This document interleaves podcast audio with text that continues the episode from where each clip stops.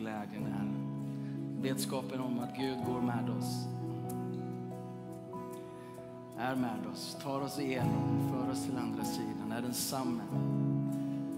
Vår glädje är i dig Herre, vår frid är i dig, vår tröst är i dig, vårt hopp är i dig. Förankrad i dig, alltigenom.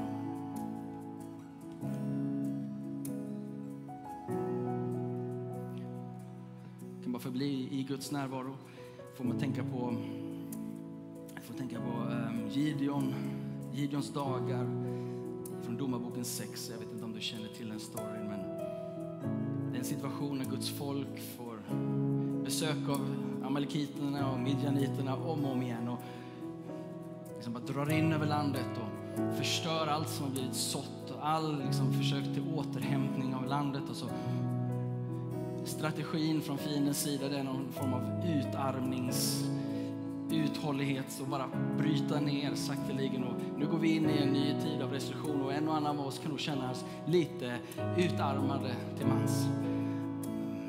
Och i den situationen så stiger ett rop ut från, upp från Israels folk. Ett rop.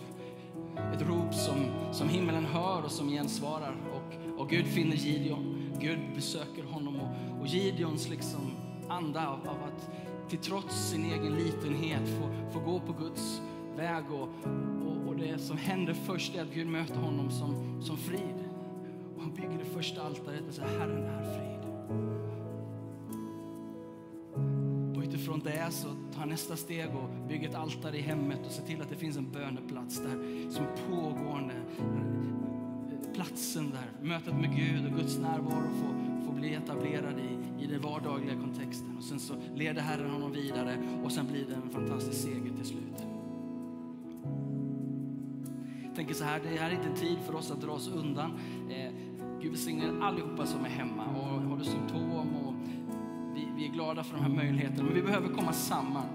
Därför vi på söndagar nu gör möjligt för så många gudstjänster vi kan. Det orkar ju inte vi egentligen, men bara med hans nåd och, och förståelsen av vikten av att komma samman den här tiden, av att vara ett folk som står tillsammans. Vi klarar inte det här själva, vi är inte på en ensam seglats, vi är inte, tanken är inte att ensam är stark, utan tillsammans som Guds folk ropa till Herren tillsammans som Gud. Även om vi bara får göra det 50, även, det spelar ingen roll. De där restriktionerna kommer inte diktera vad Gud gör i den här tiden. Fienden vill sprida ut oss, fienden vill isolera oss, segregera oss. Men Herren för oss samman. Och ett rop till honom och så kommer friden. Och så förändras allt. Och den som vi känner som fridens Gud kommer att krossa Satan under våra fötter till slut. För sådan är han vår Gud, att han krossar kaosmakterna. Han tar tag i det och han stiger in i det och han utgjuter sin ande mitt på den platsen. Det är en tid för Guds ande att bli utgjuten över sin kyrka mer än någonsin. Jag fattar om du är utarmad. Jag känner det med. Men jag vet också en som möter oss precis där. Han är vårt hopp. Så låt lovet stiga den här morgonen, den här förmiddagen, den här dagen, varje söndag. Missa inte en gudstjänst. Missa inte tillfälle att komma samman som Guds folk. Missa inte, missa inte tillfälle att förenas med några vänner, att be under den här tiden. Jag är så glad att vi går in och bönefastar just nu. För det är precis det vi behöver. Få komma nära Herren igen. Så lovet stiger.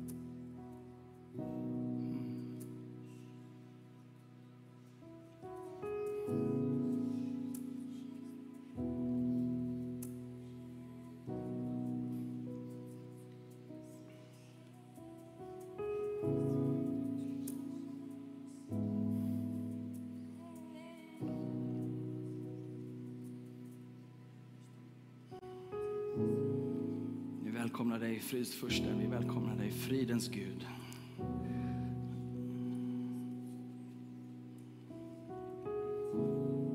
Mitt i stormen. Mitt i det att amalekiterna och midjaniterna härjar med vårt land. Alltjämt som virus drar fram så är du fridens Gud, fridsfursten. Och vi ber att du i stormen skulle etablera friden. Vi vet att du tar oss igenom stormen, vi vet att också stormen har ett slut. Men vi ber om frid nu. Vi ber om frid som övergår allt förstånd. Vi ber om den frid som vilar genom stormen. Tack att vi får besinna att Herren är Gud och att han strider för oss. Han strider för oss. Fridens Gud ska snart krossa Satan under er, för det är fridens Gud som gör det.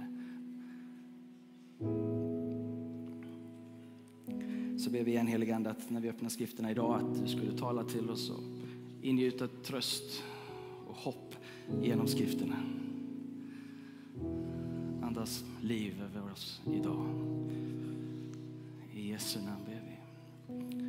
Amen. Amen, amen. Jag hoppas att ni som är där hemma också får, får känna av den ljuvliga Guds närvaro som vi har här. Eh, vi tror inte att Gud är begränsad av allt det där tekniska, men det är ljuvligt att få samlas. Hörni. Det är till trots allt det här. Och vi är tacksamma att vi får, kan göra det här. Vi är tacksamma att det ett fantastiska team som vi har i Citykyrkan som ställer om och om, och om igen. Eh, att när det här hände i måndags så man bara, okej vi har några dagar på oss att liksom tänka till och Eh, med den inställning som finns, jag tycker vi kan ge det gänget en applåd och tacka Gud för dem um, som gör det här möjligt. Och, um, vi vet ju inte hur länge det håller på, eh, förhoppningsvis inte så länge. Men eh, tills dess så möts vi om 50. Uh, eh, och igen vill jag uppmuntra dig som sitter hemma att ta er till kyrkan i de här gudstjänsterna. För vi behöver varandra mer än vad vi tror. Eh, det är vägen över, vägen till andra sidan, det är tillsammans, eller hur? Så eh, låt oss göra den resan, låt oss göra fastan, bönen 21 dagar tillsammans över de digitala mötesplatserna. Men se också till, min uppmuntran till dig, att ha någon eller några lärjungar som du håller, eh, i, tar i hand så att säga, ber igenom den här tiden. Um, för 21 dagar är en, Eh, en härlig sträcka eh, där vi kan stötta varandra. Men ensam är inte starkare än där. Så, så ta, ta en broder, en syster, några stycken. Du kanske inte har en citygrupp. Det är våra smågrupper här i församlingen. Eh, men har du inte det så har du kanske någon åtminstone. Och det kanske inte ens någon i Stockholm. Du kanske är nyinflyttad, ny här. Be kan man göra över både Zoom och telefon och andra sätt. Så att, låt oss göra det. Um, ja, jag har två delar av den här predikan. Först så ska jag kort eh, introducera oss lite till fastan. Min titel idag, min eh, överrubrik är Bön och fasta till ande, själ och kropp. Um, bön och fasta till ande, själ och kropp. Och sen så kommer vi tillbaka till Gideon-berättelsen. Eh, som jag tror bara finns ett, ett profetiskt anslag i att eh, se vad Gud vill göra. Så vet ni vart, vi, vart vi är på väg. Ehm, vi har en ingress i vår inbjudan nu till 21 dagar. Jesus säger kom till mig. Det här är Matteus 11 och 28. Kom till mig, alla ni som arbetar och är tyngda av bördor, så ska jag ge er vila. Kom, säger han, lär av mig. Häng på mig så ska jag ta in er i ett liv som inte är ett tungt religiöst ok utan milt, lätt Eh, och frihet och glädje.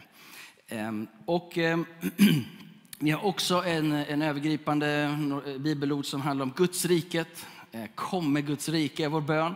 Och, och Paulus sammanfattar det i Romarbrevet 14, vers 17. Att han säger att Guds rike är rättfärdighet, frid och glädje.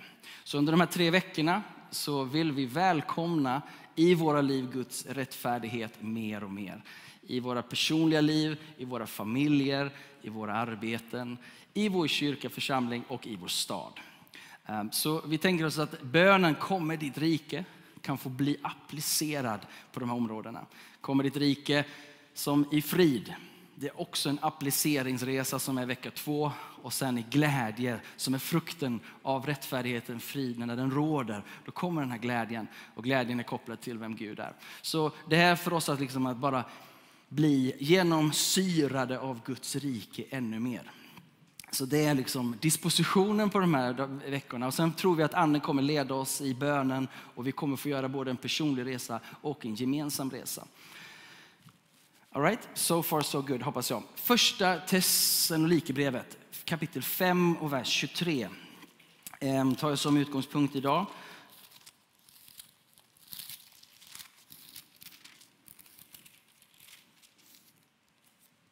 Och ska säga det, är du ny här idag så heter jag Paolo Lenius, pastor här i Citykyrkan. Trevligt att ni är här eh, och ni som följer oss. Eh, det är jag som låter.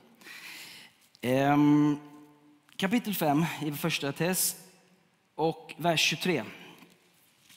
Vers 23. Så står det. Må fridens Gud. Nu är vi tillbaka i det där. Utgångspunkten, fridens Gud. Själv helgar er helt och fullt.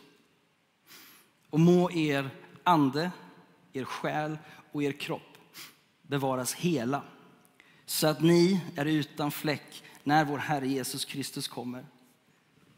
Trofast är han som har kallat er. Han ska utföra sitt verk. Fridens Gud ska utföra sitt verk. Han ska helga er och han ska låta er få bli hela till ande, själ och kropp. Det är så vi möter beskrivningen i Bibeln om oss själva. Ande, själ och kropp. Um, och det som vi nu bjuds in i tror jag, och det här skulle kunna vara vår respons. Om Jesus säger kom eh, så ska jag lyfta av er de tunga oken och bördorna. Let there be light. Eh, så eh, kan den här, nej, ja. Pilla inte på den här knappen nu. Eh, så eh, om Jesus säger kom, så skulle det här kunna få bli vår bönerespons.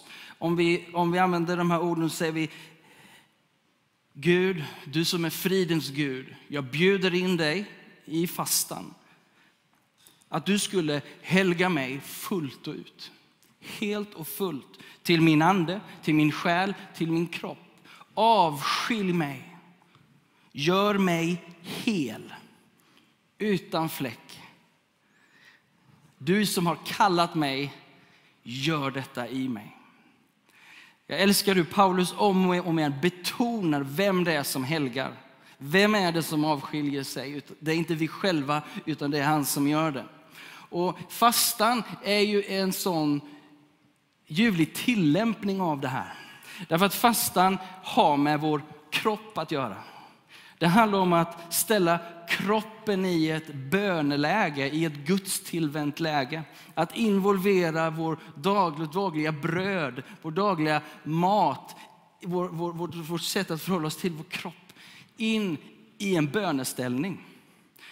Själen som får stilla sig, som får avstå en mängd olika brus och uppkopplingar som vi annars håller liksom tag i att hela vår själ får, får vändas i den här böneperioden till den Gud som verkar i oss för att helga oss. Så vi är en helhet, vi består av ande, själ och kropp och det vi är nu då i fastan är tydligt uppåtvända. Ehm, vi läste från första Tess 5 och 23 och så vidare. Um, och, och, och, Det som händer, tänker jag, eh, när vi om och om igen årligen kommer tillbaka till den här punkten och där vi säger låt min kropp få vara helgad åt Herren, avskild åt Herren. De här dagarna, de här veckorna, att låta allt som har med vår kropp att göra. Paulus säger ställ er kropp till rättfärdighetens tjänst. Och vi vet med oss att vi kan så att säga, klägga igen. Vi kan ta på oss ok och annat som inte är en del av dem vi vill vara. Lägg av er allt, eh, säger Hebreerbrevets författare, särskilt synden som så snärjer er. Va? Utan den här tiden i fastan får med vår mat förändra kosten. Vi, vi får liksom hela vår... Jag tänker att min hunger de här tre veckorna, det är min bön de här veckorna.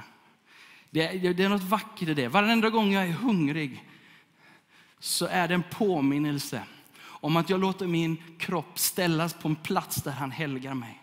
Där min kropp ska inte vara tyngd av synden och det som snärjer mig så hårt. Min kropp ska få vara hans tempel. De här tre veckorna så ber jag Herren om en rensning av mitt tempel och se till att min kropp står till rättfärdighetens tjänst och inte till syndens tjänst. Kroppen som handlar om dels om vad vi äter. Vi kanske tar in allt för mycket, någon kanske tar in allt för mycket alkohol. Någon är helt fast i sitt kaffedrickande om vi ska använda det. Liksom. Eller andra medel som binder vår kropp. Vi kanske inte tar hand om vår kropp. Vi behöver kanske börja träna. Vi kanske behöver fundera på hur kan jag göra den här kroppen tillgänglig för Guds ande över lång tid. Ta hand om den här kroppen. Ta hand om det, för du har en. Och den ska hålla hela vägen. Det kanske är bara de här tre veckorna fundera, hur kan jag göra min kropp? Kanske behöver sova bättre, äta bättre, jag vet inte. Det är någonting av bara en helgelse och omvändelse där kroppen vänds tillbaka till Guds tempel. Okay? Själen lika så. En tid att fundera på hur min själ, vad har jag släppt in i min själ? Paulus säger i Romarbrevet 12, 1 och 2, det anpassar inte efter den här världen utan Låt er förvandlas. Okay? 21 dagar igen och säg Gud, gör ditt verk i mig. Min själ för ditt evangelium. Min själ förankrad i evangelium. Min själ för ditt rike. Jesus säger att vi ska söka Guds rike först och hans rättfärdighet. Han säger i saligprisningen salig är den som hungrar och törstar efter rättfärdighet. De ska bli mättade. Min bön är för mig själv och för oss alla att Ehm, när hungern efter mat gör sig påmind så ska jag också bli påmind om den djupa hungern efter hans rättfärdighet i mitt liv. Det är inte en rättfärdighet egentligen, om man ska dela upp det lite grann, i vår ande. Vår ande är född på nytt. Ehm, vi är rättfärdiggjorda. Det där är klart, liksom, korset fullbordat. Vad vi nu pratar om är inte att bli rättfärdig inför Gud, utan ta emot hans rättfärdighet i vår själ och i vår kropp. Guds rättfärdighet som i Guds vilja, som i Guds ordningar, som hans goda vilja för våra liv. Ja, Herre, låt fridens Gud få göra det här under den här tiden. Det här är liksom en, ett ordningställande eller ett korrigerande möjlighet, en synkroniserande, en uppdatering som vi gör och får göra det under tre veckor, att leva i en bön och fasta, tillvända Gud. Det är din kanske personliga resa, men jag tror att Gud också är på väg med oss någonstans i det här. För det är något intressant när man kopplar till exempel Daniels fasta. I Daniels bok kapitel 9 och 10. Och vi hämtar ju de här 21 dagarna ifrån det exemplet. Vi ska inte stanna där för mycket, men bara påminna oss om att Daniels personliga fasta i den situationen vänder kung Koresh, som är den kung som sen dyker upp i Esra bok, och säger nu är det dags för Guds folk att gå tillbaka till Israel. Daniels 21 dagar av bekännelse av synd inför Gud sätter hela andevärlden i rörelse. För att det finns en man som har igenkänt Guds löften och säger det där gäller oss. Och i bönen och fastan, han avstår eh, läckerheter eller vad det står och vin och kött och blir vegetarian i tre veckor. Och det här blir vegetarian i tre veckor, det får hela himlavärlden och himlarymden i rörelse. Jag tror att när Guds folk och vi tillsammans låter oss omvändas till Herren, till vår kropp, till vår själ, till vår ande fullt ut. Det händer någonting mina vänner, även här uppe. Vi behöver inte förstå allt det där. Daniel hade inte en susning förrän tre veckor hade gått och ängeln kommer och säger berätta, ja men det var lite kaos på vägen. Men nu är jag här. Poängen är i alla fall att vi är på väg in i någonting som Guds folk. Och jag tänker på den här berättelsen om Gideon. Ehm, och hans respons, mitt som vi sa när inledningsvis här, när, när midjaniterna, amalekiterna kör över Israel fullständigt. Så ropar de till Herren och Gud möter med Gideon. Om vi, om vi går till Domarboken kapitel 6.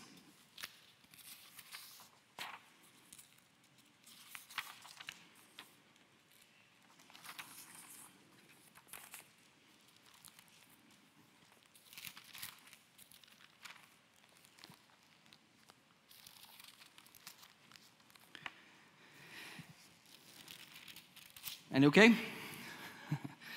Ehm, som, jag, som jag sa i, i början, där, vi kan bara läsa vers, kapitel 6, vers 6. Så blev Israel utarmat genom midjaniterna och Israels barn ropade till Herren. Den här utarmningsstrategin som, som, som vi kan uppleva i den här corona om och om, om, om igen. Okay? Så Guds folk ropar till Herren. Och det är då Gud stiger in i berättelsen. Ehm, och möter med Gideon. Och en del av oss kan den här storyn. Men om du går till vers 22 så är det det här som blir min bön och längtan inför bönen och fastan. 22 står det så när Gideon såg att det var Herrens ängel sa Gideon, ve mig, Herre Gud, jag har sett Herrens ängel ansikte mot ansikte. Men Herren sa till honom, frid vare med dig, var inte rädd, du ska inte dö.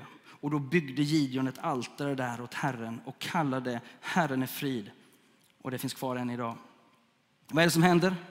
Gideon möter med Gud i den situationen. Gud, han inser, jag har mött med Gud.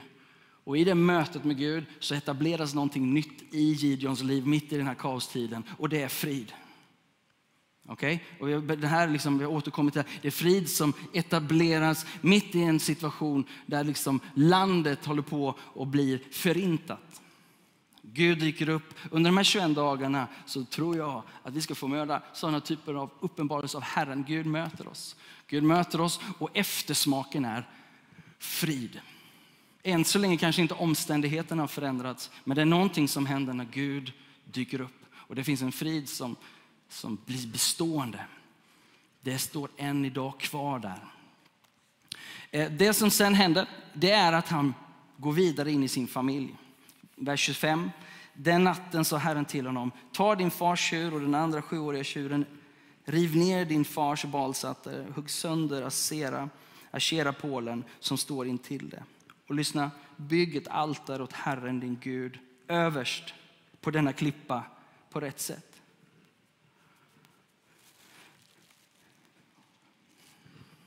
Och det tänker jag är det som händer i bönen och fastan, att vi med i den här rörelsen får, får, får bygga altaret rätt. Får ta tillbaka, får ställa vår, vår ande, vår själ och vår kropp på en plats så som det sig bör. Alltså det som har varit en tid av, av kaos och utarmning. Vi möter Gud, Gud i friden och sen så får Herren resa upp ett altare, en mötesplats mellan dig, i din familj, i din vardag, där du kan få möta med Herren. Att den här böneperioden, den här fasteperioden är inbjudan, där Gud vill utföra sitt verk och ställa i ordning den här platsen, rensa ut aserorna och balsstatyerna om det finns sådana och göra plats för sin närvaro mitt i våra liv. Mitt i ditt liv. Mitt i vår församling. För det är hans närvaro som gör oss annorlunda. Det är den platsen som gör att vi sen, som Gideon gör, tar med sig ett gäng av 300 personer och ställer sig mitt i striden. Ställer sig mitt i striden med sina facklor och sina lerkrukor. Och det är någonting som brinner på deras insida för de har sett Herren. Det finns en brand i Guds folk som gör att de tar sig rakt in på fiendemark. Ställer sig där och sen så knäcker de sina lerkrukor om ni kommer ihåg berättelsen. Och plötsligt så blir elden uppenbarad. Att det mötet med Gud har satt sig på insidan av våra liv. Och det stora och fina i det här är att vi är utspridda över den här fantastiska staden Stockholm. Och att vi får på samma sätt göra möten med Herren och ställa oss där på den plats som Gud har ställt oss i vårt arbetsliv, i vårt vardagsliv, där Gud har ställt dig. Och så får vi slå sönder vår krycka och säga här, här brinner en eld för Herren. Och det som händer i berättelsen sen är ju att fienden ser den här elden och det blir fullständigt kaos i lägret. De börjar banka sönder varandra, fienden alltså. De ger sig på varandra. Det är någonting med Guds eld som förvirrar fienden fullständigt. Han kunde inte se det komma, hur Guds folk under och mitt i restriktionerna, mitt inne i, i blockaden och, och förintelsen, tanken på förintelsen av Guds folk. Just då så stiger elden upp. Just där dyker elden upp där han, fienden alltså inte hade en aning, inte en bananing om vad Gud gjorde. Och om du och jag tänker oss att vi inte befinner oss mitt i en andlig kamp så är det dags att vakna upp. Vi kan förneka att, vi kan förneka att Ryssland finns. Men, men de har ett och annat att säga till om världsläget. Om det nu är, vi har inte något emot ryssar, okay. men om det nu är Ryssland som har stängt gaslinjen till Europa så att vi inte har el och jag får en dubbel, tredubbelt elräkning. Jag vet inte vems fel det där är. Men, men hur som haver, vi, vi, vi kan inte förnekar att vi sitter mitt i en andlig strid. Paulus säger det, vi strider inte mot kött och blod. Utan mot makter och väldigheter. Och det som händer i fastan, det är någonting som kopplas till den här enkla bekännelsen som Daniel gör. Förlåt min synd. Rena mig, rena ditt folk. Det är någonting med, det är inte de stora orden. Oh, jag bara binder dig Satan i Jesu namn. Ja, men ja, gör, gör det. Men, men poängen är att den stora striden vinns med en Daniel som är på knän och böjer sitt hjärta inför Gud igen. Säger Herre, helga oss. Helga mig. Gör mig hel, helig och hel. För det syfte du har för ditt folk i det här landet i den här tiden. Det är en rening som pågår och någonting som kopplar upp här uppe som jag inte har uppenbarelse på. Men det är någonting som sker här uppe som frigör Guds agerande i tiden. Som gör att fiendens härskaror inte har samma inflytande över det här landet. När Guds folk vänder sig till Gud, då kommer helande från hans sida. Det är någonting som inte är kopplat till våra stora ord och slogans, men hjärtan som vänder sig om till Herren. Är ni med mig? Alltså där din och min Gideon-omvändelse från att vara inklämda i vinpressen till att faktiskt gå ut och säga okej, okay, jag den oansenligaste bland alla. Men jag gensvarar. Jag bryter ner mina, min pappas asheror och balsprylar. Jag ser till att det finns en böneplats. Någonting händer när en Gideon gör den där resan. Det händer någonting när en Daniel gör den här resan. Det händer någonting när en Ester gör den här resan. Det är någonting när Rut tar sig tillbaka och tar sig in i Guds berättelse. Det, det finns någonting som påverkar liksom skeendet. Så den här bönen och fasteperioden. Eh, Tia, vill du komma upp och ta ner den här tavlan?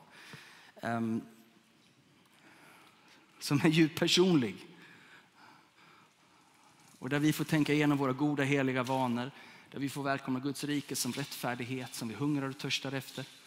Men förståelsen om att vi också är kopplade till ett andligt skeende. En andlig kamp, en andlig strid. Och där jag vill sluta, det är i Romarbrevet kapitel 16. Jag citerade i början här, kapitel 16, vers 20. Så har vi fridens Gud igen som snart ska krossa Satan under våra fötter. Paulus i slutet av sitt brev påminner om att fridens Gud ska ta hand om de här mörkrets makter, kaoskrafterna, Satans avsikter. Men det är fridens Gud som gör det. Och det är det jag bara älskar om de här bibeltexterna som kommer tillbaka. Fridens altare reses i Gideons liv, då vinner de seger fridens Gud krossar fiendens attack. Liksom.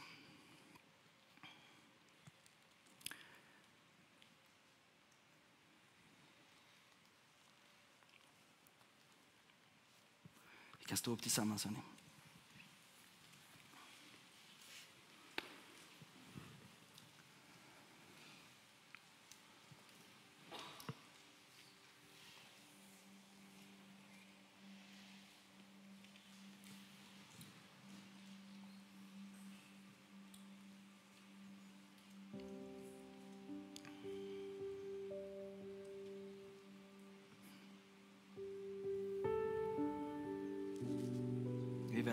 Dig, fridens Gud.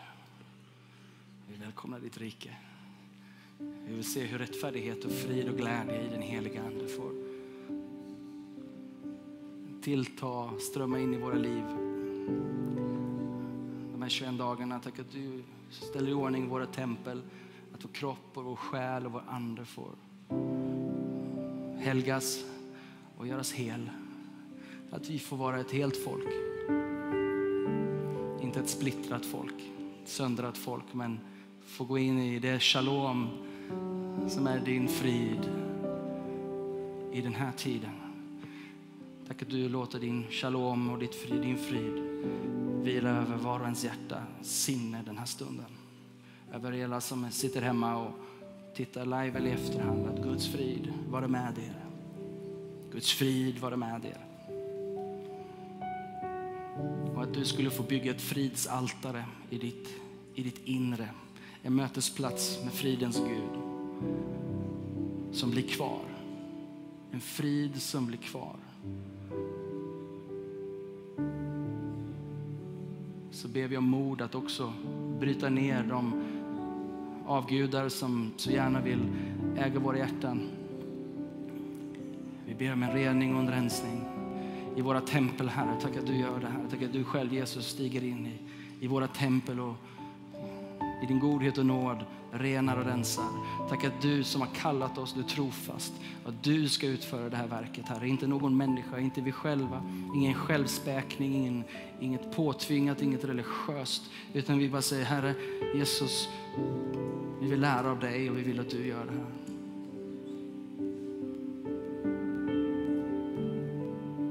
Av dig, mer av dig. Mer Jesus, mindre av oss själva. Mer Jesus, mindre kramp och strävan. Mer av Jesu verk i våra liv. Mer av Guds andes verk i våra liv. Det är du som är centrum, det är du som är hörnstenen av, av bygget, Herre. Det är du som vad allting annat bygger på. Så vi kommer tillbaka till dig, Jesus Kristus som hörnsten av våra liv, av vår församling, av